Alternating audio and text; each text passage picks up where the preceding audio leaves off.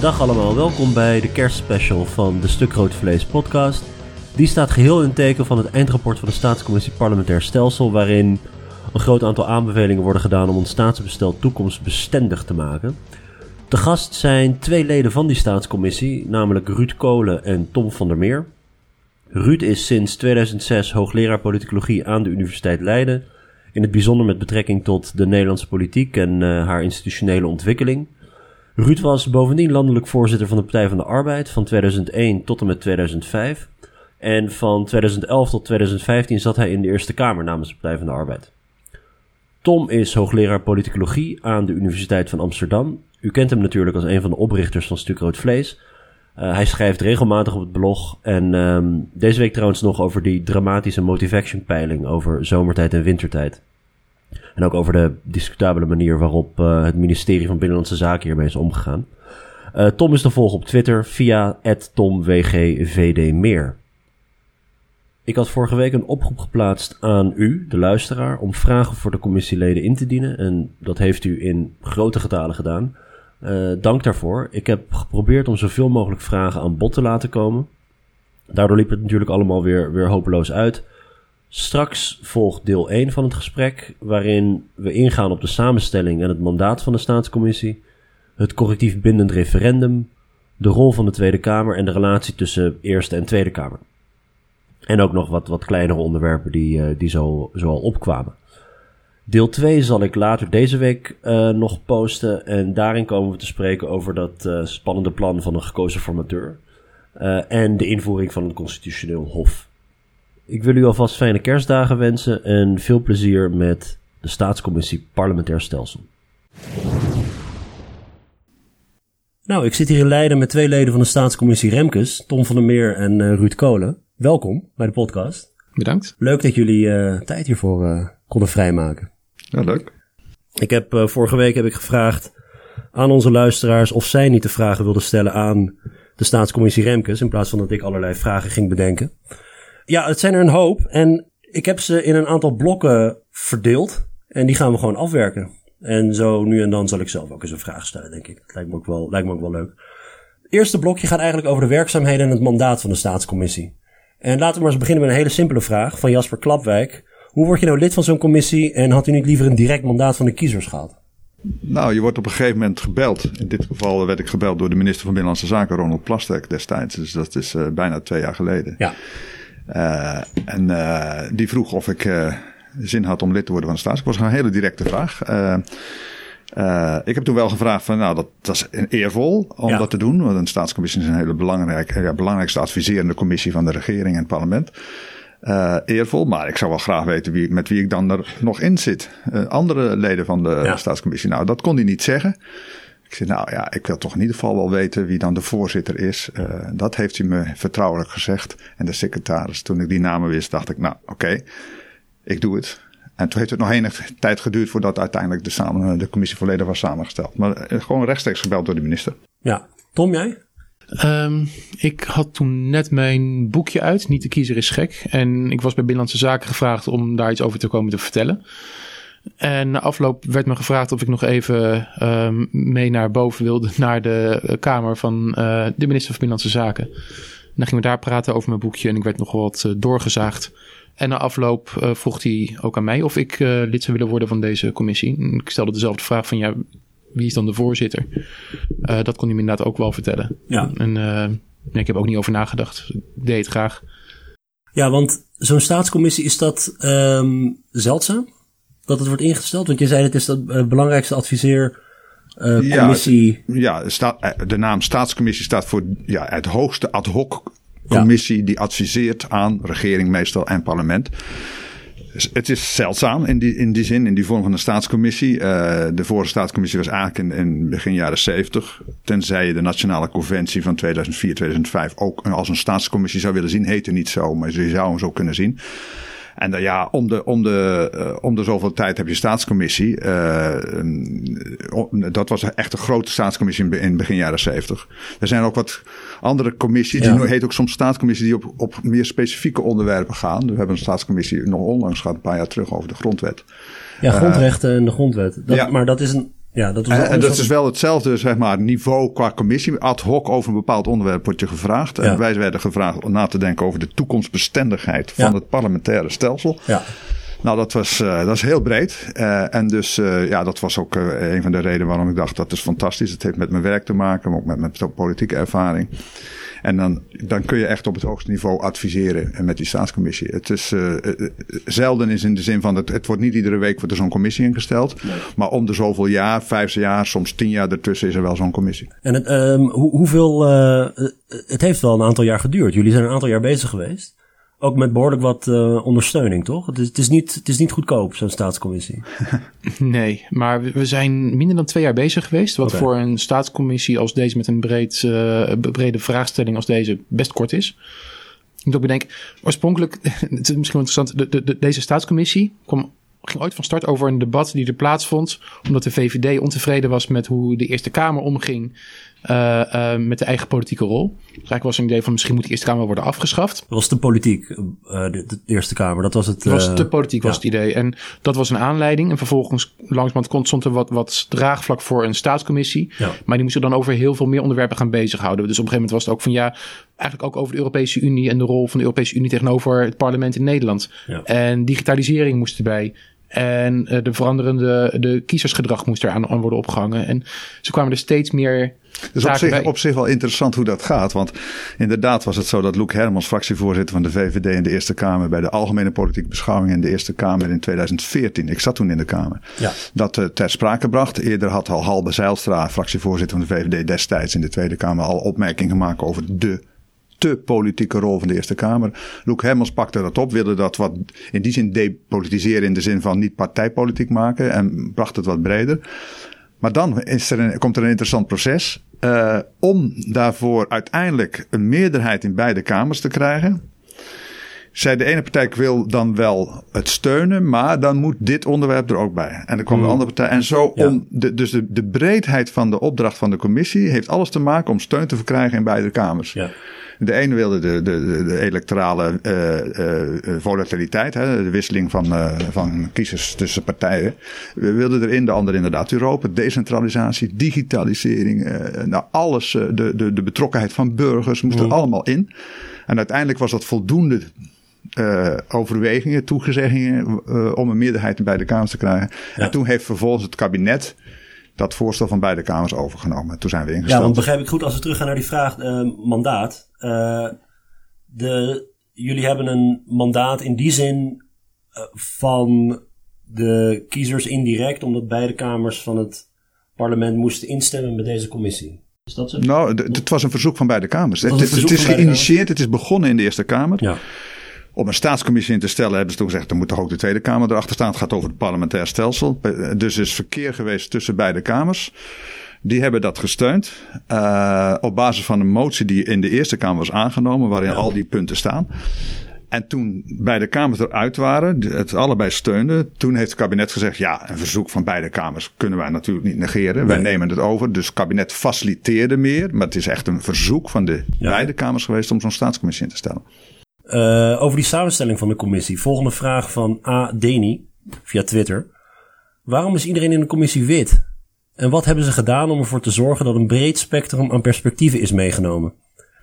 Ja, Twee ehm, vragen eigenlijk. Eén, de samenstelling van de commissie. En de tweede, van, van stel dat die commissie niet representatief is. Hoe hebben jullie er dan toch voor gezorgd dat er zoveel mogelijk voorkeuren van allerlei groepen uit de samenleving worden meegenomen in het advies? Of gehoord worden? Ja, wij gaan natuurlijk niet over onze eigen samenstelling. Dat is, Nee. eh, eh, we, zijn allemaal gevraagd. En volgens mij is in dit geval komt het erop neer dat eh, de minister ehm, is de verantwoordelijke geweest. Toen de tijd minister Plasterk van Ja. Binnenlandse Zaken. Maar die is wel geïnformeerd door de Tweede en Eerste Kamer met mogelijke kandidaten voor die lijst. Dat zullen ze ongetwijfeld hebben afgestemd. Die commissie zoals die er zit, is, is enerzijds zie je dat, dat mensen zijn voor een deel met een partijpolitieke achtergrond. De voorzitter. De voorzitter bijvoorbeeld. eh, ehm, eh, degene die we in onderling hebben verkozen als vicevoorzitter, Jacob Koonstam, heeft, eh, is actief geweest bij D66. Ehm, Dus Ruud- er- er zijn- er zo'n vijf, Arbeid. vijf, vijf van de acht mensen hebben, is de partijpolitieke achtergrond bekend. Bij drie, Ja, precies. bij, bij Ja. drie Of bij, misschien maar bij twee niet. maar weer twee. Bij twee niet, bij, bij Tom niet. En bij Carlo van Balen, de hoogleraar parlementaire geschiedenis in Nijmegen, niet. Nee. Die zitten er dus uitsluitend vanwege hun expertise. Ja. Eh, de andere is in ieder geval een partijpolitieke achtergrond bekend. SP, ChristenUnie, CDA, VVD, PvdA D66. en D66. Eh, ja, ik hoop dan dat ik ook vanwege mijn expertise ben gevraagd eh, als eh, politicoloog. Eh, maar ja, ik ben natuurlijk ook actief geweest in de politiek eh, Ja. namens de PvdA. En Ja, dat, dat is bekend. Dus het is een zekere spreiding over, niet alle, maar over partijen. Er zal zeker ook man-vrouw eh, eh, verhouding meegespeeld hebben. Maar het is waar, eh, zoals er gevraagd werd, het is een hele witte commissie geweest. Ja, wij wisten niet de samenstelling van de commissie toen wij ja zeiden. We moesten ja zeggen voordat we de samenstelling van de commissie wisten. We zijn niet alleen wit, we zijn bijvoorbeeld ook een heel hoogopgeleide commissie. En een politiek geïnteresseerde commissie. Dus in die zin is het geen doorsnede van de bevolking. Maar we hebben in, ons, in onze werkzaamheden, waren er ons heel erg van bewust. En ik denk dat deze commissie, anders dan, dan sommige andere commissies in het verleden, heel erg bezig is geweest om juist een soort van, van eh, de luiken open te gooien. Eh, we hebben tussentijds hebben we onze probleemstelling gepubliceerd en een eh, tussenrapportage met de mogelijke uitkomsten. Met het idee om discussie uit te lokken. We hebben eh, ons heel erg opengesteld voor ongevraagde adviezen. Eh, en, en Komen die ook binnen? Ja, die Ja, kwamen massaal binnen. Heel veel. En uit welke hoek komen die binnen? Nou, die komen. Alle. Ja, ik, we hebben niet precies nagaan wie het- wat de achtergronden zijn van alle mensen, maar echt uit het hele land, van hoog eh, en laag opgeleid, van, eh, van, eh, van man, vrouw, jong en oud. Dat, dat kun je zien. Soms ook met compleet uitgewerkte voorstellen voor een kiesstelsel, wat we dan niet hebben overgenomen. Of soms deels wel. Soms deels wel, sommige dingen weer wel. Maar als er echt een totaal eh, ander voorstel is wat niet correspondeerde met de hoofdlijn van onze redenering, dan konden we dat niet overnemen. Maar we hebben het allemaal heel serieus bekeken. Ja. En we hebben natuurlijk wel via bestaande onderzoeken die er waren, hebben we natuurlijk wel heel erg kennis genomen van opinies onder de bevolking ten aanzien van het functioneren van de democratie in brede zin of parlement in wat engere zin. We hebben bestaand onderzoek eh, daarvoor gebruikt. Eh, onderzoek van, van jullie zelf, van, van, de, van jou en van, van Tom hebben we gebruikt, maar ook van anderen. We hebben nog speciaal onderzoek uitgezet, eh surveyonderzoek, maar ook eh, focusgroepen zijn gehouden onder hoog en laag opgeleide mensen, mensen uit de regio, uit de, uit de Randstad. Dat is allemaal ook- informatie. en ook specifiek bijvoorbeeld nog met mensen met een migratieachtergrond. Ja, precies. Want Specifiek dat- ja. onder niet-stemmers. Spe- dus we hebben op heel veel manieren juist geprobeerd om al die verschillende ideeën, opvattingen en visies binnen te krijgen. We hebben bijvoorbeeld ook eh, bij het Nationaal Kiezersonderzoek gevraagd om een aantal vragen mee te laten lopen. Zodat er kon, kon worden gemeten wat de steun is onder verschillende groepen in de bevolking voor mogelijke maatregelen. Ja. Weliswaar in heel algemene zin. Maar daardoor krijg je wel een beeld van ja, welke groepen burgers hebben nou behoefte aan, aan welke mogelijke oplossingen en welke problemen ervaren zijn. En zie je dan ook conflicten? Eh, nou ja, goed, politiek gaat natuurlijk over conflict. Dus als je zo'n heel, heel scala aan voorstellen uit het land krijgt, ehm, zie, zie je dan ook de, de tegenstrijdige belangen tussen verschillende groepen mensen? En, en Ja, je ziet in ieder geval eh, tegenstrijdige opvattingen. ja, Het gaat alle, alle kanten uit. Er zijn eh, geharnaste tegenstanders van een referendum en geharnaste voorstanders van een referendum. En dat geldt ook voor de constitutionele toetsing. Ja. Of eh, nou, de gekozen formateur, dat denk ik, dat kwam wat minder vanuit het land. Dat was, was pas toen we daar in een tussenrapportage over spraken, dat erop gereageerd werd. Maar daarvoor voor die gekozen formateur bijvoorbeeld geldt weer dat we uit de focusgroepen bleken Ja. heel erg dat burgers eh, een behoefte hadden ehm, om, om, om meer invloed uit te kunnen oefenen Ja. op dat proces van formeren. Ja. Want je kan stemmen bij verkiezingen en zo is de ervaring. Dan rolt er na enige maanden opeens ja, iets ja uit. nee, dan, En dan, burgers ja, we moeten meer invloed kunnen hebben op dat proces. Dus de, de, de oplossing zelf komt niet zozeer, eh, werd niet zozeer aangedragen. Maar het, het probleem kwam juist weer heel sterk naar voren. Dat, dat merk je wel hoor. Dat, eh, in de reacties dat er toch breed, hoe, hoe, de, hoe de opinies misschien ook uit, uiteenlopen, maar breed een gevoel was van meer te zeggen willen hebben op het politieke proces. En dat, dat kan via de geko- gekozen formateur bij de formatie, maar ook eh, via een referendum. De voorstanders zijn er duidelijk voor. Maar zelfs degenen die daar niet voor waren, die gaven toch wel aan dat op een andere manier die, de, de, de, de burger beter gehoord moet worden. En, en, en dus ook dat de, vooral ook de cultuur waarin politici zich eh, bevinden, dat die zich moet veranderen. Politici zichzelf ook moeten opener moeten stellen. Ja. Meer moeten. Dat laat ze op allerlei manieren eh, eh, lieten ze dat wel merken. En spelen er dan ook overwegingen bij van, ehm, nou, je, kunt, je kunt mensen aan, over van alles en nog wat kun je dingen vragen natuurlijk. Weten mensen waar ze het over hebben? Dus in hoeverre, in hoeverre kijk je dan bijvoorbeeld, er komen, er komen allerlei, allerlei voorstellen binnen. En ik, heb, ik ben bij sommige van die deskundige bijeenkomsten geweest waar ook mensen inderdaad met hele originele dingen komen waar je nog nooit over hebt nagedacht. De Eerste Kamer moet zus en zo gekozen worden. En, dan, en, dan, en vanuit het land komen er waarschijnlijk allerlei, allerlei adviezen binnen. Hoe, hoe weeg je dan, dat is eigenlijk altijd als je afgaat op publieke opinie. In hoeverre zijn het geïnformeerde houdingen die mensen hebben? In hoeverre spelen dat soort discussies ook? Van ja, Nou, eh, ja, mo- ja. mo- moeten we dit wel voorleggen aan kiezers? Is het niet een heel technische opgave om, om, een, om bijvoorbeeld na te denken over zo'n kiesstelsel? Nou, er zijn, er zijn mensen in het land, verschillende mensen, die dus inderdaad hele uitgewerkte voorstellen hadden. Eh, En, en, en, en sommige e- elementen daarvan kun je iets mee doen. Eh, en en daar, daar hebben we wel echt serieus bekeken. Zeker als het serieus ogende voorstellen waren, hebben we het ook serieus bekeken. Ja. Eh, we hebben al, alle, alle input, die hebben sowieso zijn we langsgelopen. En, en soms dan denk je, verrek, daar hebben we helemaal niet aan gedacht. Of Ja. dat zou je ook mee kunnen wegen. Uiteindelijk kan dat dan leiden dat je ergens iets toch aanpast aan de ideeën die je als commissie zelf naar voren brengt. We hebben natuurlijk ook met uitgenodigde experts gesproken. Maar wat er dan vanuit het land erbij komt, kun je soms er tegen aanzetten. Ja. En ja, eh, het, het is een Ja, de, soort... reden dat ik het, eh, de reden dat ik het vraag is omdat ik in mijn eigen onderzoek eh, heel erg voor input vanuit beneden ben. En ook, en ook onderzoek doe naar of, of politici reageren op publieke opinie of niet. Of ze voorkeuren van mensen meenemen of niet. En ik krijg iedere keer, al- als ik mijn onderzoek elders presenteer. Eh, en helemaal als het gaat om, eh, ja, bij niet-politicologen. eh, een van de eerste vragen die je hoort is: ja, maar moet het wel zo dat je de publieke opinie volgt? Moeten. Moeten, dat is de reden waarom ik de vraag stel. er, Is omdat zitten- er zitten een paar kanten er, aan hierbij. Je, je hebt qua probleemstelling van welke problemen ervaren mensen nu, ehm, lijkt me helemaal niet dat die expertise er heel erg toe doet. Eh, Nee. Dan zijn het gewoon echt opvattingen die mensen hebben. Wanneer het gaat om oplossingen, dan zie je wel waar behoeftes aan zijn. En, en daar, daar, daar zie ik niet een opleidingskloof in dat, dat hoge opgeleiden dat beter kunnen dan lager opgeleiden. Wel wanneer het gaat over hele praktische technische uitvoeringsdetails. Dan op een gegeven moment gaat het inderdaad gewoon ook echt om, om, om ja, bijna, bijna het, het, het institutionele ontwerp. De hele praktische dingen en welke gevolgen die hebben. Ja. Ja, dat, dat, dat moet je heel goed doorrekenen. En zo hebben we ook heel veel van die voorstellen bekeken. Gewoon kijkt, oké, hier ligt een voorstel. En wat, wat betekent dit nu? Er zitten, heel vaak zitten daar aannames in. Ook bij, bij, bij voorstellen die van experts komen. Zitten er aannames in het model. En ja, we, kloppen die aannames? Ehm, en welke gevolgen zouden ze hebben als je dit extrapoleert Ja. naar de praktijk?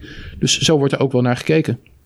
Wat ook wel Ehm, interessant was in dit kader trouwens. We hebben ehm, dus we hadden ook een, een, een, een groep van, van experts eh, samengesteld. Onderzoekers, eh, eh, wetenschappers, mensen vanuit hoog college of, of adviescommissies. En die hebben ook gevraagd van, nou deel jullie opvattingen nu met ons. En zeker rond de tussenstand hebben we ook meermalen uitgenodigd. Dat hebben we ook gedaan met eh, burgers die voorstellen hebben ingestuurd. Ja. Daarvan hebben we er ook tientallen uitgenodigd. Mhm. En dan merk je ook bij die, bij die middagen die we hebben georganiseerd, merk je ook dan dat er onderling toch echt wel discussie bestaat. En uit die Ja. discussie krijg je ook weer Ja, ja, zeker. Ja. extra Nou, wat, informatie. wat, wat heel veel mensen eh, eh, vergeten ook, is dat bijvoorbeeld surveyonderzoek, wanneer het goed uitgevoerd is, is een van de meest egalitaire eh, bronnen die je kunt hebben om, om voorkeuren te tappen. Ja. Als het goed uitgevoerd is. Dan, eh, ja, dan, heb je, dan heb je een goede steekproef die representatief is voor de bevolking. Is een hele, potentieel hele waardevolle, waardevolle Nou, maar, maar ook Input. buiten survey, er waren bijvoorbeeld uitgewerkte voorstellingen, noemde eh, al het kiesstelsel van iemand die zei, ja, de fragmentatie van het partijstelsel is een groot probleem. Ja. Eh, ik heb een oplossing. Als we nou eens gewoon verkiezingen doen in twee rondes. En dat is heel, heel serieus uitgewerkt. Hebben we ook serieus bekeken. En doen we het in twee rondes. En dan zeggen we dat van de, de, eh, van de partijen die aan de eerste ronde meededen. mogen alleen de zes partijen die de meeste stemmen hebben behaald. door naar de tweede ronde. Dan heb je automatisch minder, minder versplintering, fragmentatie in de Tweede Kamer. Ja. Nou, op zich is dat een heel serieus idee. Alleen wij hadden als uitgangspunt, en dat proefde je ook bij, eh, via surveys, dat er veel eh, steun voor was. Uitgangspunt van het evenredige kiesstelsel. En dat wordt on- enorm gewaardeerd door brede lagen van de bevolking. Geen Eh, kiesdrempels. eh, eh, nou, de kiesdrempels, daar, heb, daar, daar, daar, daar zal ik sowieso zeggen. Maar als je dat als uitgangspunt hebt, dan kun je maar niet even een stelsel doen waarbij je zes partijen door laat gaan. Want dat staat te haaks op het Ja. principe van die evenredige, evenredige kiesstelsel. Ja. Kiesdrempel, we zijn fo- focusgroepen over gehouden. Ja. Heel veel mensen maken zich zorgen over de, versplintering in het parlement. En dan zeggen ze, kiesdrempel moet omhoog. Dat is dan een soort eerste reactie. Ja. Maar als je in de focusgroepen dat vraagt, dan komt dat in eerste instantie. Maar als je dan vervolgens vraagt, of laat vragen dan, eh, van, maar welke partijen zouden dan moeten verdwijnen? ja. dan is het al gauw, ja, eigenlijk in ieder geval die van mij niet. Uh, en dan zie je dus dat fragmentatie van het partijstelsel is echt een reflectie van de fragmentatie van de bevolking. Ja. En dat zie je gewoon in het parlement. Ja. En uh, als je dat doet en als je zeg maar pas als je die fragmentatie, die versplinting tegen wil gaan, bijvoorbeeld om de formatie te vergemakkelijken, de kabinetsformatie. Ja, dan moet je wel zo'n hoge drempel gaan doen dat ja. dat weer weer haak staat op dat evenredigheidsprincipe. Dus uiteindelijk hebben we het allemaal serieuze... Dan moet er een kiesdrempel zijn van 8 à 10 procent. Dus 12 tot 15 zetels. Als je meer haalt dan dat, dan pas mag je de Kamer in. Ja, ja dus jullie hadden meer het, het, het, of jullie, jullie uh, vinden meer dat, dat als er polarisatie in de samenleving is dan verwacht je dat ook terug te zien in het parlement. En dan, is dat, dan moet je dat niet via een kiesdrempel of. Ja, ik zou niet gelijk polarisatie klinkt zo negatief, maar inderdaad fragmentatie. Er is een hele verscheidenheid aan opinies in de samenleving. Ons stelsel laat dat toe om dat te vertalen in het parlement. Er zitten haken ogen aan. Maar het grote voordeel is dat dat parlement daardoor behoorlijk representatief is voor de opvattingen onder de samenleving. Behoorlijk, want er zitten wel wat haken ogen aan. Dat zeggen we ook in het rapport. Ja. Maar als je dat vermindert door allerlei hoge drempels, dan wordt in ieder geval die, uh, die representativiteit niet beter. Ja. En we hebben bijvoorbeeld ook een hele mooie, vond ik, uh, zagen we in zowel in de focusgroepen als in het Nationaal Kiezersonderzoek, zagen we een enorme steun voor burgers om uh, afsplitsingen te verbieden.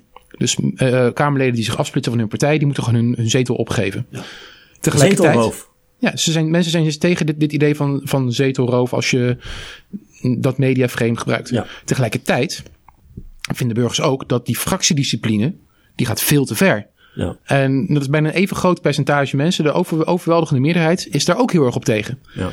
En dan kan je dus niet tegen afwegen van ja, wat gebeurt er nu? Um, als je uh, zetelroof gaat verbieden, dan leidt het ertoe dat die, die uh, Kamerleden in de fractie moeten blijven en dus moeten luisteren naar de meerderheid van, van de fractie.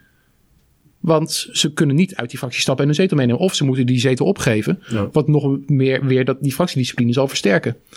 Dus daar, daar zit een balans in. Ja, zeker. Even terug naar de, terug naar de vragen. Ja, we zijn nog steeds bij het eerste, eerste rondje hoor. Dit gaat uh, hartstikke goed. dit, dit, wordt, uh, dit worden misschien wel meerdere delen. Um, even kijken. Stefan Wijnja via Twitter die vraagt... Uh, wat is de directe aanleiding voor het onderzoek geweest? Dus het rapport spreekt in weinig concrete termen over een veranderende wereld. Veranderde wereld. Invloed sociale media, opmaak, bevolking, betrokkenheid, lager opgeleide. Maar die grote thema's moeten zich ergens in hebben geuit waardoor ze in beeld kwamen. Wat zijn die concrete symptomen? De opkomst van de Tweede Kamerverkiezing in 2017 was bijvoorbeeld het hoogste sinds 1986, dus dat zal het niet zijn geweest. En uh, als ik daar mag toevoegen, Birol uh, schrijft... De parlementaire democratie bevindt zich in een crisis. Marketing know-how wint, wint, wint, wint verkiezingen. Het gaat er niet om wat je doet, maar wat je zegt. Cynisme en instabiliteit zijn het gevolg. Um, ja, wat, wat, wat, wat, wat is de diagnose die jullie stelden aan het begin van dit is hoe Nederland ervoor ligt en waar moesten concrete oplossingen voor worden gevonden. Want ik weet Tom, als wij, uh, we hebben het vaak over bijvoorbeeld proefballonnetjes van, van politici, dat ze vaak met een oplossing komen voor een onduidelijk probleem. Dus wat was, wat was de aanleiding om dit, ja, wat, wat zijn de startparameters? Ja, de, de, de, de, de aanleiding zoals die, waarom de commissie is samengesteld. Ja, waar we het net over hadden. Dat is waar we het net over hadden. Ja. Um, en vervolgens, wat, wat wij denk het eerste ruim half jaar hebben gedaan als staatscommissie, is dat we zelf zijn gaan definiëren van wat zijn nu eigenlijk de problemen en, en wat is nou eigenlijk onze opdracht precies? Ja. Uh, wat, wat valt er wel onder en wat valt er niet onder? Ja. Moeten we ook gaan kijken naar de democratie op, op het niveau van de provincie of ja. in de gemeente? Uh, dat hebben we gezegd, nou ja, dat, wordt, dat, dat, is niet de opdracht. Dus daar gaan we niet naar kijken. Dus we zullen ook niks hebben gezegd daarom over de gekozen burgemeester. Mm. Hoewel we daar misschien wel opvattingen over hebben. Uh, maar het viel buiten onze opdracht. En vervolgens binnen dat domein van die, ja, het nationale parlementaire stelsel zijn we gaan kijken, wat zijn daar nu de, de, de belangrijkste onderdelen van? Uh, daar heeft, heeft Ruud een hele belangrijke typologie voor gemaakt van welke kanten daarvan moet je allemaal gaan bekijken. En wat, wat zijn daar binnen de belangrijkste ontwikkelingen? We hadden eigenlijk gewoon gezegd van eh, eh, de opdracht was parlementair stelsel en daarvan de toekomstbestendigheid. Nou, ja. wat is dan het parlementair stelsel? Hebben we al eerst gezegd, we beperken ons tot het nationale niveau. En uh, ook al staat in de opdracht decentralisatie in Europa, dat nemen we alleen mee voor zover het een effect heeft op ja. het functioneren van het parlementair stelsel op het nationale niveau. Mm. Maar dan nog, We hebben in ieder geval binnen dat nationaal niveau op in ieder geval drie andere verschijningsvormen gedefinieerd. De ene is het tweekamerstelsel, dus de verhouding tussen Eerste en Tweede Kamer. Dan, eh, dat was eigenlijk de aanleiding. Ja. Uh, daar begon het allemaal mee. Uh, moet er iets? twee kamers, is het nodig? Moet je wel een, een, twee kamers hebben? En als je ze hebt, moet je dan niet iets van een conflictenregeling verzinnen als ze, als ze met elkaar botsen? Ja. Dat is één. Het tweede is de verhouding tussen parlement en regering. Dat heeft natuurlijk met kabinetsformatie te maken, maar ook met de, eh, de strakke regeerakkoorden en, en, de weinig controlerende mogelijkheden die dan overblijven voor de Tweede Kamer om, mm. om de meerderheid die zich verbonden heeft aan de regering nog te kunnen controleren. Wat betekent dat dan? Dus regering, parlement. En de derde was parlementair stelsel gedefinieerd als parlementaire democratie. En dat is de verhouding tussen de volksvertegenwoordiging, Den Haag in brede zin, en de kiezers. Precies. En, en, en, wat vinden die kiezers nou van, van het functioneren van het stelsel? Voelen ze zich voldoende vertegenwoordigd? Ja. Zijn ze dat ook? Zijn, zijn ze dat ook? En daar hebben we op basis van nieuw onderzoek, maar ook bestaand onderzoek van het Sociaal Cultureel Planbureau bijvoorbeeld, hebben we toch wel een van de rode draden in het rapport is dat daar echt wel een probleem ligt. Dat een belangrijk deel van de bevolking, nou dat hoef ik jullie niet uit te leggen, want jullie doen er zelf ook onderzoek naar, maar een belangrijk deel van de bevolking zich niet op sommige thema's niet goed vertegenwoordigd mm. voelt door het parlement. En dat heeft veel te maken met opleidingsniveau. Lager opgeleide en middelhoog opgeleide voelen zich minder goed vertegenwoordigd dan hoger opgeleide in, door het parlementaire stelsel. En als dat zich doorzet ja. en, en, vastzet, dan hebben we daar op een gegeven moment wel een probleem. Dus dat is de urgentie ook van het rapport. Dat we allerlei maatregelen voorstellen om te zorgen dat dat op de een of andere manier wordt getackeld. Ja, maar tegelijkertijd, um, Tom, jij uh, bent altijd heel erg uh, huiverig om de term vertrouwenscrisis te gebruiken. Mm -hmm. En ja, we hebben, goed, we hebben samen ook, ook veel geschreven over politiek vertrouwen. Uh, dat lijkt me niet het startpunt, toch? Dat er een uh, dat er talend vertrouwen is of, of, of, of dat, er, dat er dalend vertrouwen is. Dat is een beetje waar de vraag natuurlijk over gaat. Van, van ja, als, er, als het zo is dat er, dat er institutionele ingrepen gedaan moeten worden in ons staatsbestel, dan lijkt het alsof dat zo is om het vertrouwen te herwinnen dat verloren is. Gaan. Ja, nou, wat, wat, wat, wat we eigenlijk zeggen, in, uh, ook in het eindrapport, maar ook in, de, in, in vorig jaar al, toen we een, een eerste rapport met de probleemstelling opleverden, is ja die Nederlandse democratie die functioneert in de kern eigenlijk behoorlijk goed. Um, door elementen van we hebben een tamelijk goed ontwikkelde politieke cultuur. We hebben evenredige vertegenwoordiging. Burgers zijn, zeker vergeleken met andere landen, behoorlijk betrokken. Het vertrouwen is niet gedaald. Opkomst Kiezers, is hoog. opkomst is hoog. Kiezers zijn gaan kiezen. Maar er zitten wel tekortkomingen aan. Um, en die tekortkomingen hebben onder meer te maken met de invloed die burgers kunnen hebben op, op uh, beleid. Dus we kunnen heel goed uh, volksvertegenwoordigers kiezen, maar de invloed op het beleid via samenstelling van de regering vooraf of via uh, extra controle achteraf, dat is heel erg beperkt. Uh, we zien ook inderdaad een, een, een, een aanhoudende kloof tussen hoger en lager opgeleiden, tussen vertrouwende en wantrouwende burgers, ehm, tussen mensen met links-conservatieve opvattingen die geen eigen partij hebben waarop ze stevast kunnen stemmen. Um, en dat zijn specifiek, dat was alleen maar in deze ene hoek van, van het parlementaire stelsel, waar, waar, waar Ruud het net zojuist over had, zien we een aantal van die tekortkomingen. En het risico is dat als die zich gaan bestendigen, dat dan een deel van de bevolking zou kunnen gaan afhaken. Mm, ja. um, dus we hebben het ook wel omschreven onderling van, het is wel een urgent probleem waar we mee bezig zijn, maar het is niet een acuut probleem. Het is niet alsof we nu midden in een crisis zitten. Nee. Uh, je kan het cliché bijna voor, uh, tevoorschijn halen van, je moet het dak repareren als de zon schijnt. Het gaat goed, maar we moeten oppassen uh, dat we niet daar, daar zelf er genoeg in, in worden. Ja. ja, het gaat goed in het algemeen. Maar er zijn bepaalde groepen die zich nu al niet goed ja, vertegenwoordigd weten. Ja. En, en, dat moet niet doorzetten. En dus moet je nu iets doen. Dus het is wel degelijk acuut. Het is misschien een woordenspelletje, maar toch, er moet nu echt wel iets gebeuren. En daar zijn die voorstellen naar voor. En dat is een van de, een van de rode draden die we uh, zien. En de andere rode draad, om er gelijk even erbij te pakken, is, is dat er uh, toch ook in, de, in in de landen om ons heen, ook door allerlei nieuwe ontwikkelingen, sociale media, digitalisering, robotisering, you name it, dat er mogelijkheden zijn gekomen waardoor de democratie in brede zin, dat noemen we dan de democratische rechtsstaat, uh, ja, onder druk kan komen te staan door ontwikkelingen van beïnvloeding van bijvoorbeeld campagnes ja. op een onzichtbare manier. Uh, door uh, opvattingen die, ja, zeg maar, uh, democratieopvattingen die minder stevig worden. Of, of uh, de rechtsstaat niet meer omarmen. En dat is wel een normatief uitgangspunt van de commissie geweest. Het, alles moet dienen om een parlementair stelsel in een goed functionerende democratische rechtsstaat. Dat is de norm. En alles wat eraan afdoet, en dat kan dus door ontwikkelingen elders. Kijk naar Trump in Amerika, die toch, oh ja, toch wel instituties aanvalt. Of nou de media zijn, maar ook de rechters of, of het parlement. Waarvan je zegt van nou, is dat wel verstandig om, om, om de democratische rechtsstaat in Amerika uh, in stand te houden? Ik denk zelf van niet. Daar moet je, moet je mee oppassen.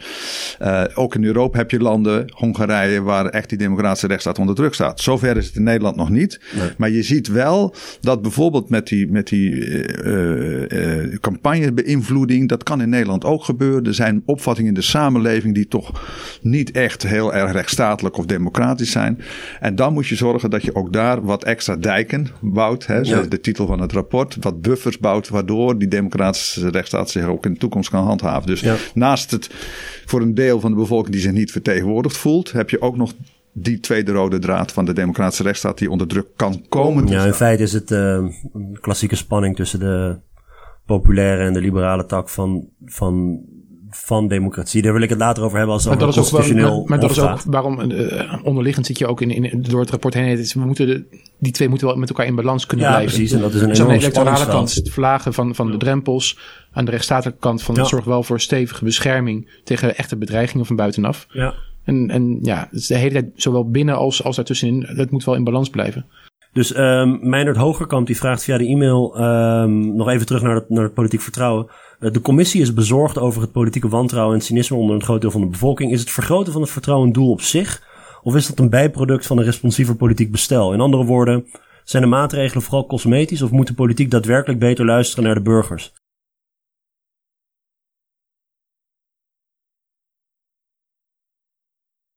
Ik, ik, ik, ben vertrouwensonderzoeker. Ja. Uh, dat is eigenlijk een beetje mijn core business uh, wanneer, over, wanneer het gaat om wetenschappelijke publicaties.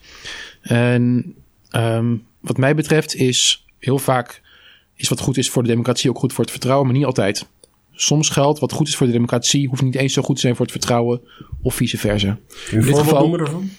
Ja, referenda kunnen goed zijn voor de democratie. Want het geven, geeft burgers een extra mogelijkheid, collectieve referenda geven burgers een extra mogelijkheid om uh, um, uh, het, het, probleem van de Ostrogorski-paradox, een meerderheid van het parlement dat besluiten neemt mm. waar de burgers niet achter staan, ja. om dat op te lossen. Het leidt tot een responsiever parlement, een responsiever systeem, dat beter luistert naar, naar de bevolking of, of beter aangestuurd kan worden door de bevolking. Maar dat is niet goed voor het vertrouwen, ook niet slecht voor het vertrouwen. Het, het, het, het heeft geen effect voor het vertrouwen. Het vertrouwen is daarin geen doorslaggevend argument. Maar waar, waar, wat, wat Ruud net al zei, we, keken echt naar, naar het systeem ja. op, op, verschillende manieren. En we zijn echt gaan, gaan kijken hoe, hoe zorg je ervoor dat dat systeem overeind kan blijven en waar mogelijk versterkt kan worden. En vertrouwen is daar een element in, maar niet het, niet het enige centrale element waarop we alles afwegen. Maar de, een, een, een deel van politiek vertrouwen van mensen is in ieder geval, en dat, weet, ja, dat, dat weten wij uit ons eigen onderzoek inderdaad, uh, een, uh, een product van, uh, van hoe goed zo'n democratie functioneert. En of mensen zich vertegenwoordigd voelen en ook vertegenwoordigd worden. Dus in die zin, uh, het vertrouwen, vertrouwen hoger of lager maken of, of een boost geven is geen, geen, vaak geen, uh, geen doel aan zich. Maar het is zeker een bijproduct van een goed functionerend oh, zeker. politiek stelsel. Um, misschien nog even, dit is wel leuk voor de, voor de laatste vraag voor het blokje, laten we zeggen, mandaat en legitimiteit van de, van de staatscommissie. Kunnen jullie, het in, kunnen jullie inschatten welke, dit komt van Marije van den Berg via Twitter kunnen ze inschatten welke burgers het oneens zijn met hun aanbevelingen, welke het eens zijn? En zo ja, wat doe je met die inzichten? Dus sommige van deze aanbevelingen die jullie doen, um, ja, die zijn best polariserend en daar wordt al, daar wordt al best wel lang over gepraat. Bijvoorbeeld een, collectief bindend referendum. Andere zullen misschien uh, kunnen rekenen op een, op een ruime, onder, ruime steun van, van de bevolking. Hebben jullie enig idee van, ik zag een, een, een peiling van de hond voorbij komen, concreet over een aantal voorstellen, maar um, ja, heb je enig idee? Wat, wat, nou ja, wat, ik... wat zijn de pijnpunten in termen van, van steun onder de bevolking en wat, wat kan echt op grote dat moet, dat moet blijken. Een van de dingen die ik nou, nou zou willen is dat er zeg maar, onder de, de bevolking in brede zin, om het zo maar te zeggen, een soort mhm. gelijke discussie plaatsvindt als we ook hebben gehad in de staatscommissie. De staatscommissie had natuurlijk, zitten ook verschillende mensen met verschillende ideeën. Ja. En toch is dit rapport door de hele staatscommissie wordt dat gedragen. Alle, alle punten daarin. Ja. Dat is een kwestie geweest van elkaar openstaan voor elkaars argumenten geven en nemen. Uh, en ik denk als je nu zegt van uh, bent u voor een uh, referendum of bent u voor een ander voorstel? Dat ze dan, ja, als er voor de rest niks is gebeurd, ze, mensen zich vaststaan, blijven staan op hun standpunt. Ik hoop dat dus die, discussie komt. En dat die komt door dit soort uitzendingen, maar ook door de, dadelijk de reactie van het kabinet. En dan komt er een discussie over. En dan zie je bijvoorbeeld, er is bijvoorbeeld bij dat referendum heel snel, ja, referendum, de tegenstanders kan niet, Brexit, slecht.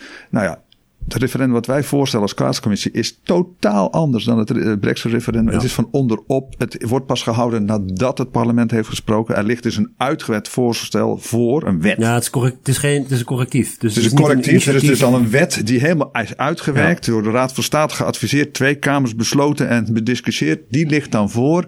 En daar kun je dan uiteindelijk nee tegen zeggen. Ja. Uh, als, de, als de meerderheid van de bevolking dat wil. Dat is totaal anders dan een top-down referendum zoals in Engeland is gebeurd met Brexit over een onderwerp wat helemaal vaag is, waar het parlement geen meerderheid over bestaat. Dus je kunt dat niet vergelijken.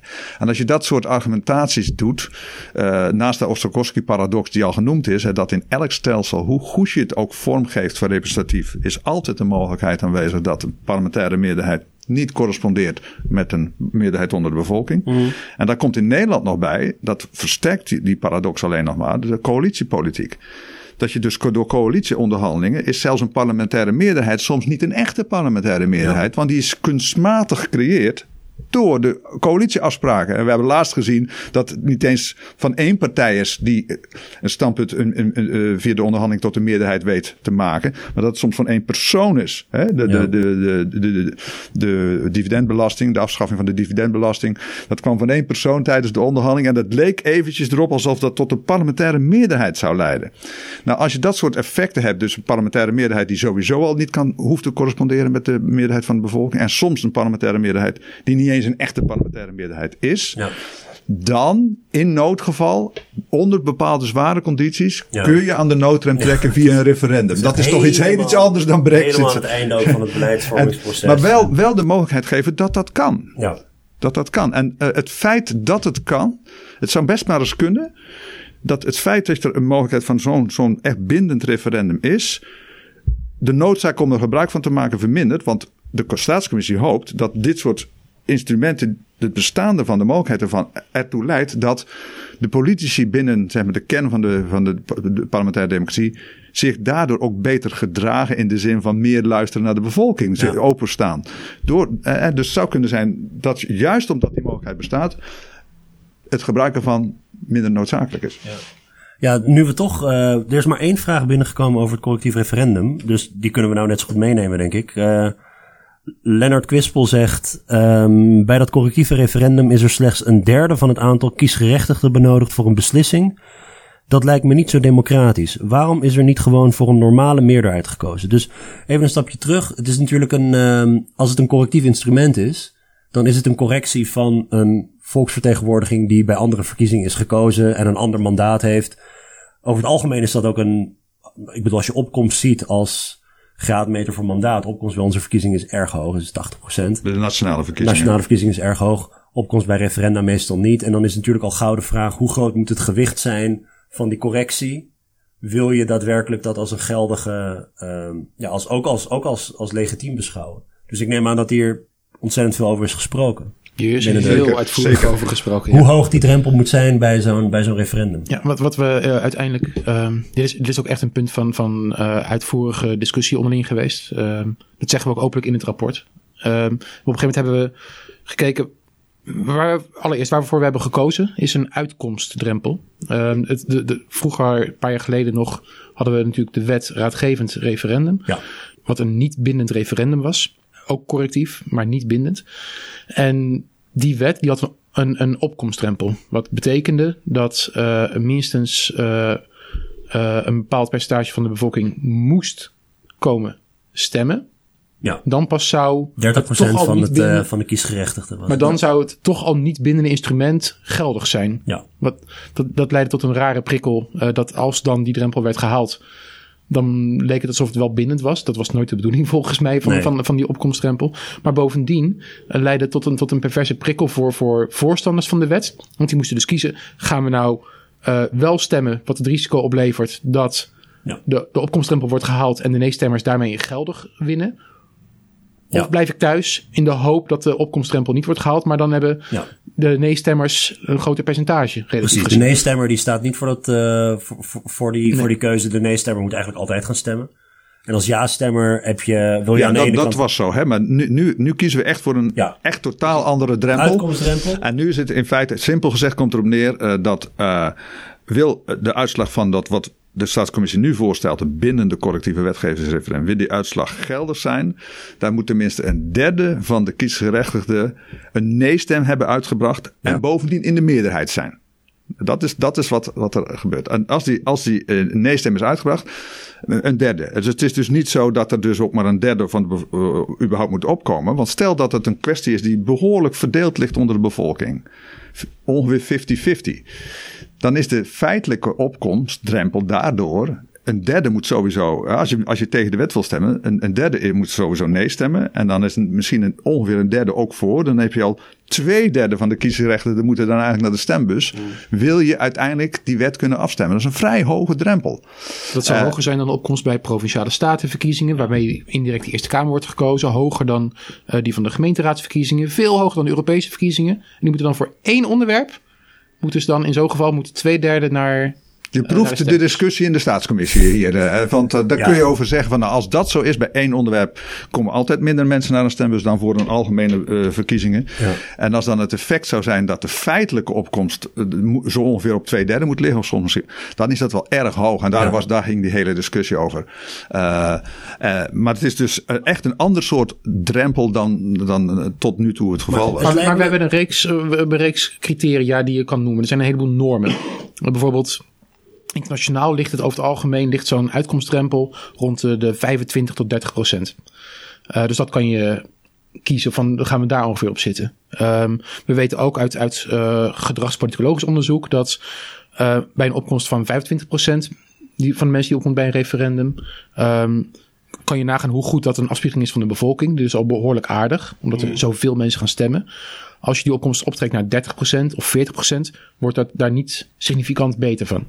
Nee. Eh, een ander criterium dat je bijvoorbeeld kan stellen is. eh, ehm, het moet wel een beetje een rond cijfer zijn, zodat het makkelijk te berekenen valt hoe hoog die opkomst zou moeten zijn. Eh, dus 25% is makkelijk te berekenen. Een derde is ook iets waar je makkelijk mee kan rekenen. Want als de helft gaat stemmen, moet twee derde tegen zijn. Dus dat, dat zijn nog wel.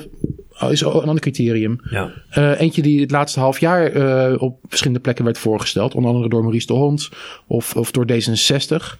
eh, door, door Rob Jetten in zijn, in zijn tijdelijke voorstel voor, voor verandering van, van, van het, het, het kiesstelsel in Nederland. Was dat het gekoppeld zou moeten zijn aan de opkomst bij Tweede Kamerverkiezingen. Ja, ja, ja. Dus als 82% van de mensen gaat stemmen bij Tweede Kamerverkiezingen, dan moet, kan, kan een wet door die Tweede Kamer alleen maar weerlegd worden door 41% van de kiesgerechtigde bevolking. Ja, Nou, dat is heel hoog weer. ja. Ehm, en, en zover is de commissie dan ook weer niet gegaan. Want er zit een, een- ook een ander element weer in, wat geen hard criterium is, maar wel een belangrijke. Namelijk het gedragseffect. Ehm, hoe groot is de kans dat zo'n hoog percentage van de bevolking, als opvattingen redelijk 50-50 verdeeld zijn, dat zoveel mensen van de bevolking gaan stemmen op één specifiek onderwerp? Die Ja. kans is heel laag. ja zeker.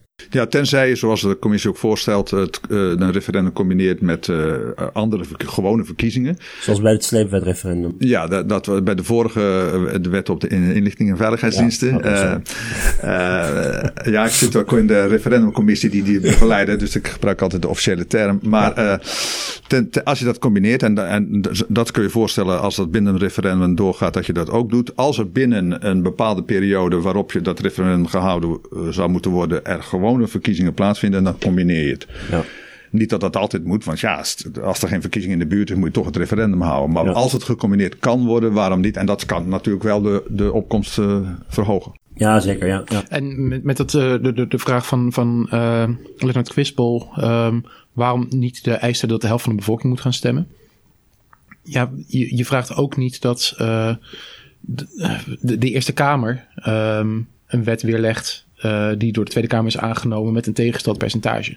Nee. Ehm, als je zegt dat de, de, de helft van de opkomst van de Tweede Kamer moet worden gehaald, ja, waarom dan niet de helft van de opkomst van de getrapte verkiezingen van de Eerste Kamer, dus de helft van de opkomst van de Provinciale Statenverkiezingen, die op zou moeten komen dagen? Want de Eerste Kamer is ook akkoord gegaan met, met, met die wet. ja. Ehm, dus En de zijn Eerste Kamer is ook deel van de volksvertegenwoordiging. Wat, Ja, eh, Exact. Vaak, vergeten. Dus we, hebben al, we hebben eigenlijk al die elementen op elkaar, uh, naast elkaar gelegd. En uiteindelijk zijn we op dit compromis uh, Het is echt een uh, compromis. ja, ja, zeker. Ja. Dus de, maar de, de, de, als, het, als het gaat om ehm, besluitvorming binnen de commissie, wordt, er wordt niet gestemd of zo. Of nee. dat is allemaal deliberatie en dan ja, en soms kan het, uh, wordt de, de, de, de relatie wel, wel voortgezet en dan komen we niet uit, dan wordt het uitgesteld. En op een gegeven moment moet je natuurlijk toch, omdat dat eindrapport wordt gepubliceerd, moet je ja. tot een, een, knoop doorhakken. En dan gaat het soms behoorlijk uh, fel aan toe eventjes. Ja. En, uh, maar, maar wel met de inzet, dat proefde ik bij alle, alle leden van de commissie van we willen eruit komen en het liefst eensgezind en dat is gelukt. Ja. En wat, voor mij, ik, ik ben natuurlijk een, een relatieve buitenstaander, want ik ben geen lid van een partij, ik ben niet actief voor een partij. Ik ik, ik, ik vond het belangrijk om erin te gaan zitten als gedragspoliticoloog, want ik wilde heel graag de argumenten op tafel krijgen. Uh, zelfs als er op korte termijn uh, niks gedaan zou worden met het rapport. Dat het wel een rapport is waar eigenlijk alle argumenten in staan.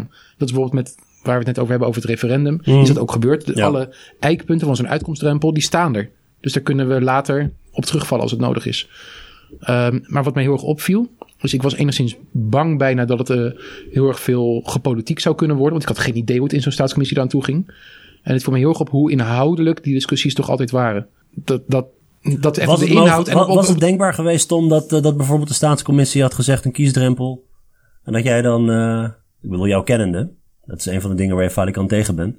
Is het dan een kwestie van gewoon net zo lang door blijven praten totdat iedereen dat, dat, dat, dat, was de inzet. Kijk, het was denkbaar dat je een minderheidsstandpunt uh, doet. De, de, de, staatscommissie over de grondwet op vijf jaar geleden had een minderheidsstandpunt. De inzet was om dat niet te hebben, want je staat veel krachtiger met je advies als je, als je eensgezind naar buiten brengt. Dus Ja. je, wat je doet is, misschien wel heel erg op zo'n Nederlands, doorpolderen, ja. kijken of je een consensus kan bereiken. Dat hebben we gedaan, maar dat, dat was soms wel eens lastig. Maar dat, kon je ook doen, omdat je wist, als, als het echt niet lukt, dan, dan maar een Maar hadden minderheidsstandpunt. jullie voor jezelf breekpunten? Van dit is iets wat ik, wat ik echt niet, uh, ik bedoel nu is dus die beraadslaging allemaal geweest, maar dit is bijvoorbeeld iets wat ik niet kan accepteren? Nou, er waren wel punten. Er zijn, kijk, het is geven en nemen. Uh, uh, maar als je zegt breekpunten. Uh, ja, stel, stel dat. Over, we hebben het over het referendum. Als ze hadden gezegd van we willen per se een 50% drempel. Dan had ik gezegd, ja, dat kan ik echt niet voor mijn rekening nemen. Mm. Nu is het een compromisvoorstel en daar kan ik mee leven. Ja. Qua drempel. maar ik vind het wel heel mooi dat de hele commissie voor dat instrument van het ja, collectieve precies, bindende ja. referendum is ook bijvoorbeeld uh, de, de, voorzitter van wie de partij toch echt niet vooruit, voorop loopt bij referenda. En dat vind ik dus mooi. En dat bedoel ik met het proces dat je die deliberatie in de commissie hebt gehad. Dat je ook hoopt dat er in de samenleving komt. Dat je niet alleen maar zegt we zijn voor of tegen, waren we altijd al. Maar dat je de argumenten probeert te wisselen en echt op de merites beoordeelt. En daarom, wat Tom zegt, is heel belangrijk. Dat, dat de argumenten hebben zoveel mogelijk geprobeerd in dat rapport ook op te schrijven. Dit zijn de dingen waar je rekening mee moet houden. Dit zijn de criteria. Het is geen wetenschappelijk ja. Werk maar het is wel op wetenschap gebaseerd. Nou, het is de, de, de, de, de denktrand is wel uh, mm-hmm. is expliciet van de, ja. de, de, de, de, voor, de voor's en tegens en zo. Maar je noemde net bijvoorbeeld de, de, de, de kiesdrempel. En um, ik ben heel erg tegen de kiesdrempel, omdat er eigenlijk geen goede argumenten voor zijn. Um, empirisch gezien, want die zijn ja. eigenlijk stuk voor stuk weerlegd. Het belangrijkste argument dat er nog voor is dat er overblijft, is dat het gewoon esthetisch fijn is voor sommige mensen om minder partijen te hebben. Maar wat mij gewoon heel erg opviel in deze commissie is, we hebben deze discussie al tamelijk vroegtijdig gewoon gevoerd. En op basis van argumenten, ja. gewoon op basis van argumenten, er, was volgens mij niet eens iets, iets compromisachtigs aan, maar op basis van de argumenten werd dat snel duidelijk.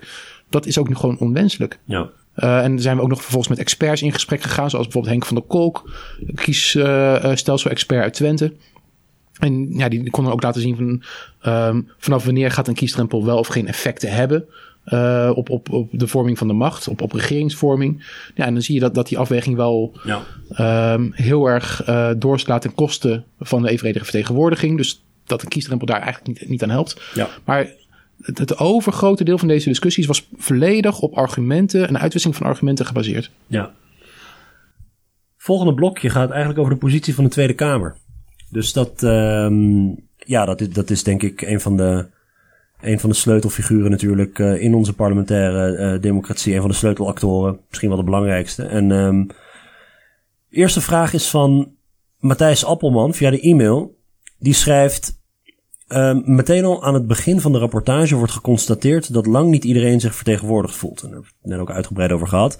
Nu is het zo dat wij in 1956 het zetelaantal in de Tweede Kamer verhoogd hebben van 100 naar 150 zetels. We zaten toen op een bevolking van pak een beetje 11 miljoen Nederlanders. Momenteel zitten we op 17 miljoen Nederlanders. Dat betekent dat we nu een parlementariër hebben op de uh, 113.000 Nederlanders, waar dat in 1956 nog één op de 72.000 Nederlanders was. Dus een immens verschil. Mijn vraag is dus, met het oog op representativiteit, maar zeker ook met het oog op de effectiviteit van Kamerleden, hoe de commissie aankijkt tegen een zetelverhoging van de Tweede Kamer. Wordt het niet een tijd? Of is zo'n maatregel domweg niet effectief genoeg? Als we terug willen naar de mate van representativiteit van uh, 1956, dan zouden we nu richting de 237 zetels moeten. Nou, en dan, um, uh, hè, dat, dit betekent wel dat er een grondwetswijziging voor nodig is, um, maar dat geldt voor sommige van de andere, andere aanbevelingen ook, dus dat mag geen, geen argument zijn. Uh, hij schrijft ook nog hartelijk bedankt voor de podcast. Dus elke keer weer genieten. dat is natuurlijk ook heel fijn. En een soort gelijke vraag kwam binnen van, uh, van Hubellemakers en ook van Coltrui Indy op Twitter. Die vroeg wanneer we de Tweede Kamer gaan uitbreiden naar 250 leden. Um, ja, eerst maar eens daar beginnen. Waarom, waarom zijn het er 150 en waarom zou je er niet waarom zouden we niet een grotere Tweede Kamer uh, willen? Nou ja, kijk, het is inderdaad in, in 1956 van 100 naar 150 gegaan. Er was een, ook een staatscommissie uh, die over het kiesstelsel moest nadenken toen. Het is even, toch wel aardig om te melden. Die begon al in 1952 en dat werd uh, pas in, in, in, in 56 kwam dit er als enige uit, de vergroting van de Kamer. En de alle andere voorstellen niet. Die heeft er jaren over gedaan over een relatief klein beperkt onderwerp. En wij doen toch veel breder onderwerp. En twee jaar. Dus dat is netjes van ons, zeg maar zeggen. Maar even terug naar dit punt. Even de verlaten ding naar de, naar de voorganger. Nou, die hebben, dat was een andere tijd. Ja. We kunnen ook makkelijker communiceren via allerlei middelen. Dus het is, uh, maar, uh, de, maar wij hebben het relatief snel gedaan, denk ik. Ja. Uh, maar die 100, 105, ja, dat kan meer. Maar als je het doet vanwege de representativiteit. Ons stelsel is door dat evenredige kiesstelsel al heel representatief. Dus ja.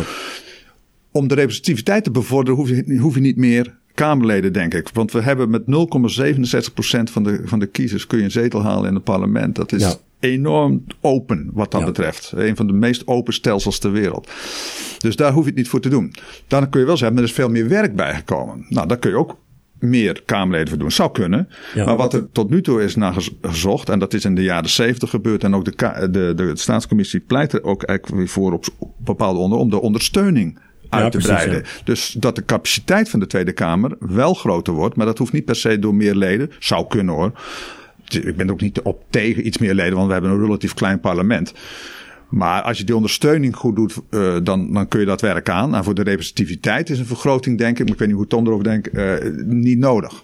Nee, helemaal mee eens. Voor de, voor de representativiteit niet. Um, en je kan zeggen dat met meer mensen staat de Tweede Kamer sterker. Uh, gegeven de mate van fractiediscipline weet ik niet hoe groot die toegevoegde waarde is, gegeven de cultuur die er nu bestaat. Ja. Um, van een sterke fractiediscipline. Ik kan me wel voorstellen als fragmentatie zou doorzetten en steeds meer relatief kleine fracties komen, dat het dan wel aantrekkelijker kan gaan worden.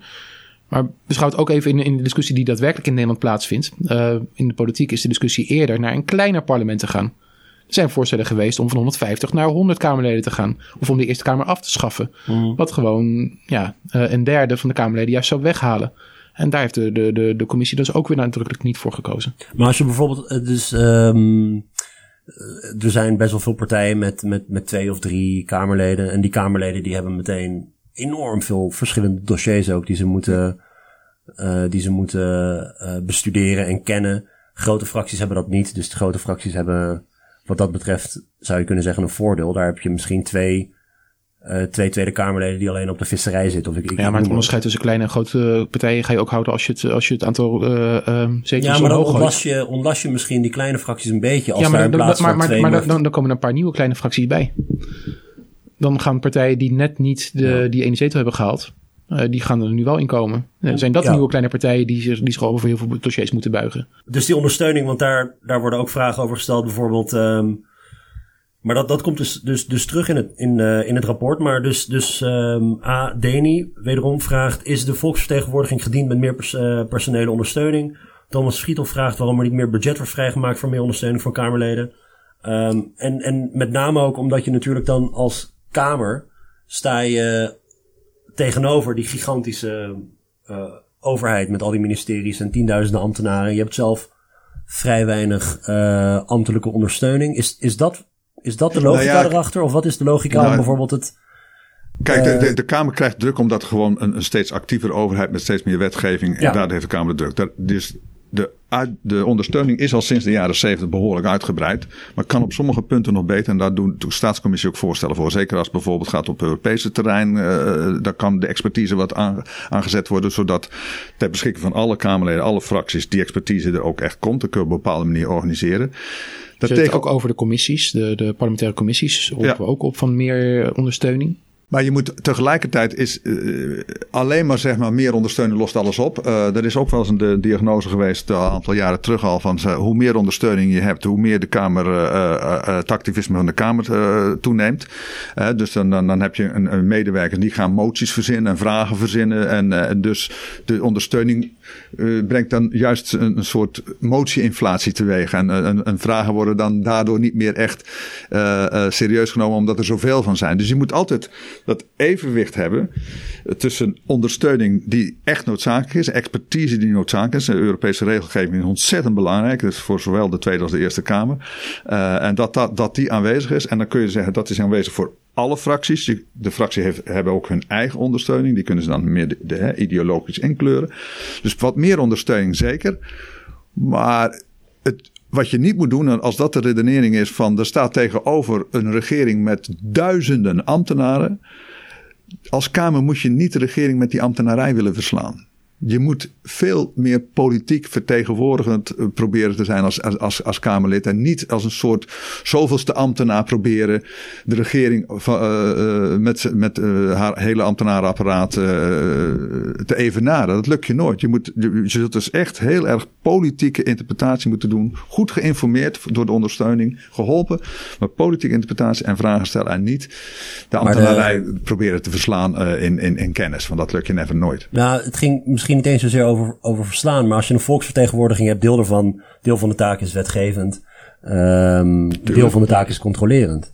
En volksvertegenwoordiging. Volksvertegenwoordiging, ja. Die, die, die, noem, dan noem ik altijd als derde erbij. Maar die controlerende rol van, van het parlement, uh, is die niet gediend met als Kamerleden een groter persoonlijk stafje zouden hebben. In ieder geval meer ondersteuning kan. En waar de staatscommissie voor pleit, dat is dus ondersteuning dat je dat doet bijvoorbeeld hangt aan de griffie van de Tweede Kamer. Dus uitbreiding voor, voor de Kamer als geheel. Waardoor ook de oppositiepartijen daar gebruik van kunnen maken. Hè? Dus het is echt ter beschikking komen ook van de oppositiepartijen. Ja. Want we hadden het al eerder over die sterke binding tussen de regeringsfracties en de regering. Het monisme, zoals het dan heet. Ja, die, die, die binding is er. En daar is daar, daar, daar, maar je wil toch dat er controlerende functie zoveel mogelijk in stand blijft in de Tweede Kamer. Dat kan doordat die oppositie wel degelijk beschikking krijgt over behoorlijke ondersteuning eigen ondersteuning van fracties, maar daarnaast ondersteuning die als een beroep op kunnen doen, trekkingsrechten bijna, voor ondersteuning die voor alle fracties zijn, maar waar zij ook een beroep op kunnen doen. En daarnaast kun je natuurlijk zorgen, dat zegt uh, de, de staatscommissie ook, dat er uh, een, nog een Eerste Kamer is, die uh, dan altijd nog als Tweede Kamer erg gebonden is aan het regeerakkoord de Eerste Kamer dat wat minder zou moeten zijn. Nou, we hebben net van de week uh, de, de voorzitter van de Eerste Kamer uitspraken horen doen over hoe dat in de praktijk soms gaat. Dat was wel erg blij dat in het rapport staat dat de Eerste Kamer, het nut van de Eerste Kamer er vooral ook is omdat ze niet gebonden is aan een regeerakkoord. En dat, die cultuur moet al in de Eerste Kamer denk ik moeten veranderen. Zou het ook uh, goed zijn als sommige partijen niet in hun statuten hebben opgenomen... Ja. dat de Eerste Kamerfractie zich gebonden voelt aan een regeerakkoord... door de Tweede Kamerfractie gesloten is? Uh, helemaal eens. Uh, die partijen bestaan, in ieder geval één. Namelijk die van mij. En daar heb ik me altijd intern sterk tegen verzet. Maar het, het je moet dus zorgen, de Eerste Kamer moet dus niet een duplicaat zijn van de Tweede Kamer. En, en dus niet gebonden zijn aan de regering. Het is lastig genoeg, maar niet die formele binding. Uh, en in de Tweede Kamer zelf moet je zorgen dat de oppositie echt over, over ondersteuning beschikt en informatie, zodat ze ook echt kunnen controleren. En daar bijvoorbeeld zijn de, de, de, de debatten. Het, uh, wij stellen nu voor de 50 leden debat. Dat was tot nu toe 30 leden debat. We maken het ietsje moeilijker, maar niet onmogelijk. Zodat de oppositie nog steeds vragen kan blijven stellen aan die regering. Mhm. Goed geïnformeerd en goed ondersteund. Nu, uh, ja, we hebben ook een aantal, uh, we hebben ook een aantal um, diverse vragen die niet echt bij een, bij, een, um, bij een blokje horen, maar die ik af en toe er doorheen zal fietsen. Nu we het toch over de Eerste Kamer hebben en, en de politieke rol van de Eerste Kamer. Uh, Kai Leers vraagt via Twitter: waarom denkt de staatscommissie dat de voorliggende voorstellen de politisering van de Eerste Kamer succesvol zullen tegengaan? Ik denk niet dat wij dat per se verwachten. Um, ik, de, de, Eerste Kamer is eigenlijk altijd al een politiek orgaan geweest. Dat, dat, dat zegt uh, onze collega uit de staatscommissie Carla van Balen ook regelmatig, mm. ook in haar stukken. Van de Eerste Kamer is ook gewoon een politiek orgaan. Alleen dat is zichtbaarder geworden omdat de samenstelling van de Eerste Kamer vaker afwijkt van die van de Tweede Kamer. Als in de Tweede Kamer vaker kleine meerderheden worden gesloten, die soms al van tevoren niet eens een meerderheid hebben in de Eerste Kamer. Ja, ja dan kan je verwachten dat die politieke rol van de Eerste Kamer zichtbaarder wordt. Ja. Um, de vraag is vooral van hoe ga je ermee om? Uh, gegeven dat, dat er, er twee uh, kamers zijn in ons parlement, hoe ga je er om met de spanningen die kunnen optreden? En, en dat is waar we ons over uitlaten. We zeggen dus enerzijds, de Eerste Kamer zou zich niet gebonden moeten voelen aan een regeerakkoord. Dat heeft ook volgens mij de implicatie dat fractievoorzitters in de Tweede Kamer niet zouden moeten gaan zitten wapperen met uh, meerderheden die hun Eerste Kamerfracties zouden kunnen creëren mm. uh, in eventuele onderhandelingen. Dat gebeurde bijvoorbeeld onder Rutte 2 uh, nadrukkelijk. Dat in de Tweede Kamer werd onderhandeld over meerderheden in de Eerste Kamer. Maar waar we een concrete aanbeveling bijvoorbeeld over doen, is, is een, een, een terugzendrecht vanuit de Eerste Kamer dat de Eerste Kamer niet een veto hoeft uit te spreken, maar op, op onderwerpen een, een, een wet kan terugsturen met eigenlijk aantekeningen van joh, pas dit en dit en dit even aan. Maar als die Eerste Kamer dat dan doet, dat terugstuurt, dan moeten ze ook een veto opgeven. Zodat ze niet op die manier extra macht krijgen. En, en zo'n terugzendrecht is eigenlijk een manier van hoe ga je om met, met deze nieuwe context, waarin Eerste en Tweede Kamer op, op uh, misschien iets, iets wat uh, gespannende voet met elkaar kunnen komen te staan door die politieke samenstellingen. Ja. nu is het vaak zo, hè, de Eerste Kamer mag alleen een wet aannemen of verwerpen en mag hem niet op onderdelen wijzigen, zoals de Tweede Kamer dat wel mag. En dan is een wet op onderdelen niet goed, ja, dan moet je hem dus afkeuren. Nou ja, dat doe je dan toch maar niet. En dan zijn er allerlei trucjes om dat toezeggingen, novelles, om daar iets aan te doen. En, nou, en de staatscommissie zegt, doe, neem nou de koninklijke weg. Als je vindt dat die wet uh, op bepaalde punten echt moet worden gewijzigd, weiger die dan. Je dus amendementsrecht. Maar zodra je daar gebruik van maakt, dan, is het, dan je dus de wet. Moet je dus ook weer terug naar de Tweede Kamer. Die kun je daarop niet passeren. Maar dan is de laatste woord aan de Tweede Kamer. Uh, of je maakt er geen gebruik van en dan kun je hem aannemen of verwerpen. En dus door die mogelijkheid te creëren, uh, uh, hopelijk kan er dan dus dat, dat het vaker voorkomt dat als de Eerste Kamer dus echt bezwaren heeft op onderdelen, dat ze dat ook echt uiten.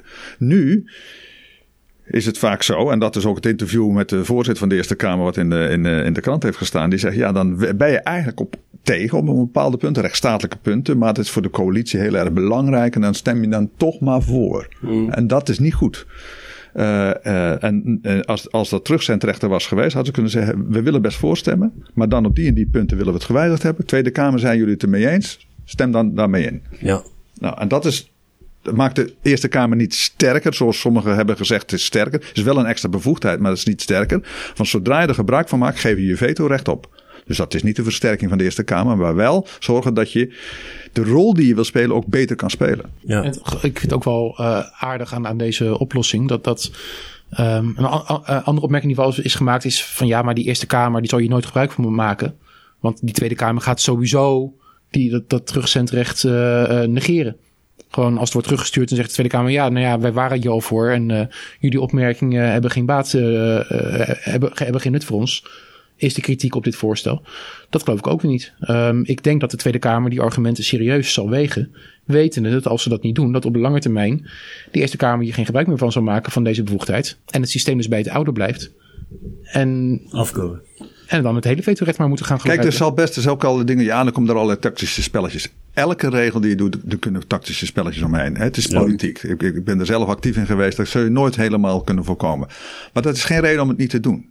De, de, en dit, dat terugzendrecht is echt iets van nou, als je echt als Eerste Kamer claimt, wij zijn anders dan de Tweede Kamer, we willen geen duplicaat zijn, wel politiek, maar anders. En we willen juist op die wetgevingskwaliteit, willen we echt kunnen controleren.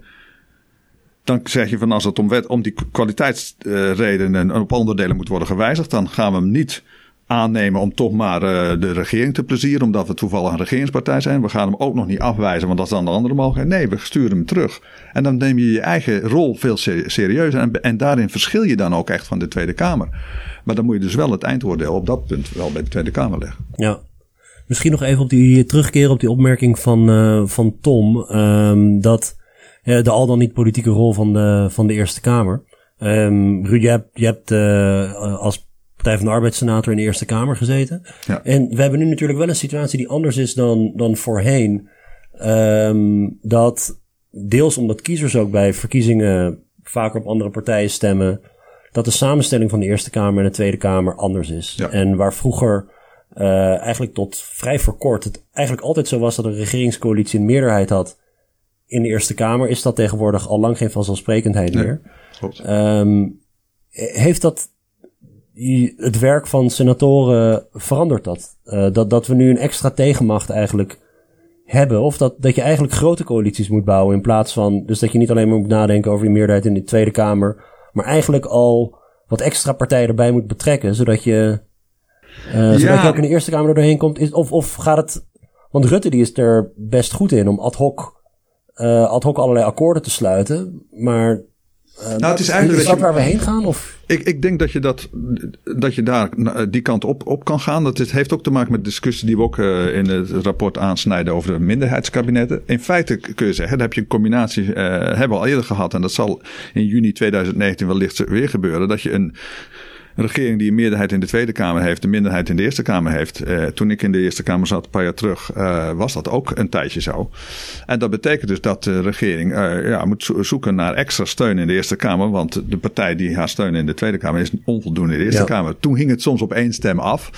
En dat was dan vaak de SGP die steunde. Je hoefde maar, maar naar meneer Holdijk te kijken. Dat was SGP, de senator. Als die ging staan, dan was Ja. het wetsvoorstel aangenomen. Bleef die zitten, was het verworpen. Dus er lag, legde nogal een druk op hem. Ja. Eh, eh, de Eerste Kamer is een politiek lichaam, maar door die veranderde samenstelling worden. eh, ik, ik geloof niet dat de Eerste Kamer zich politieker gedraagt dan, dan daarvoor. Ook toen niet. Maar de effecten zijn politieker. Ja. Hè? Dat, dat, de zichtbaarheid is, is politiek. En dat zie je. En wat er zal gebeuren is, is natuurlijk zal er dan vanuit de Tweede Kamerfractie eh, richting de, de fracties in de Eerste Kamer gevraagd worden van, goh, hoe staan jullie in een bepaalde kwestie?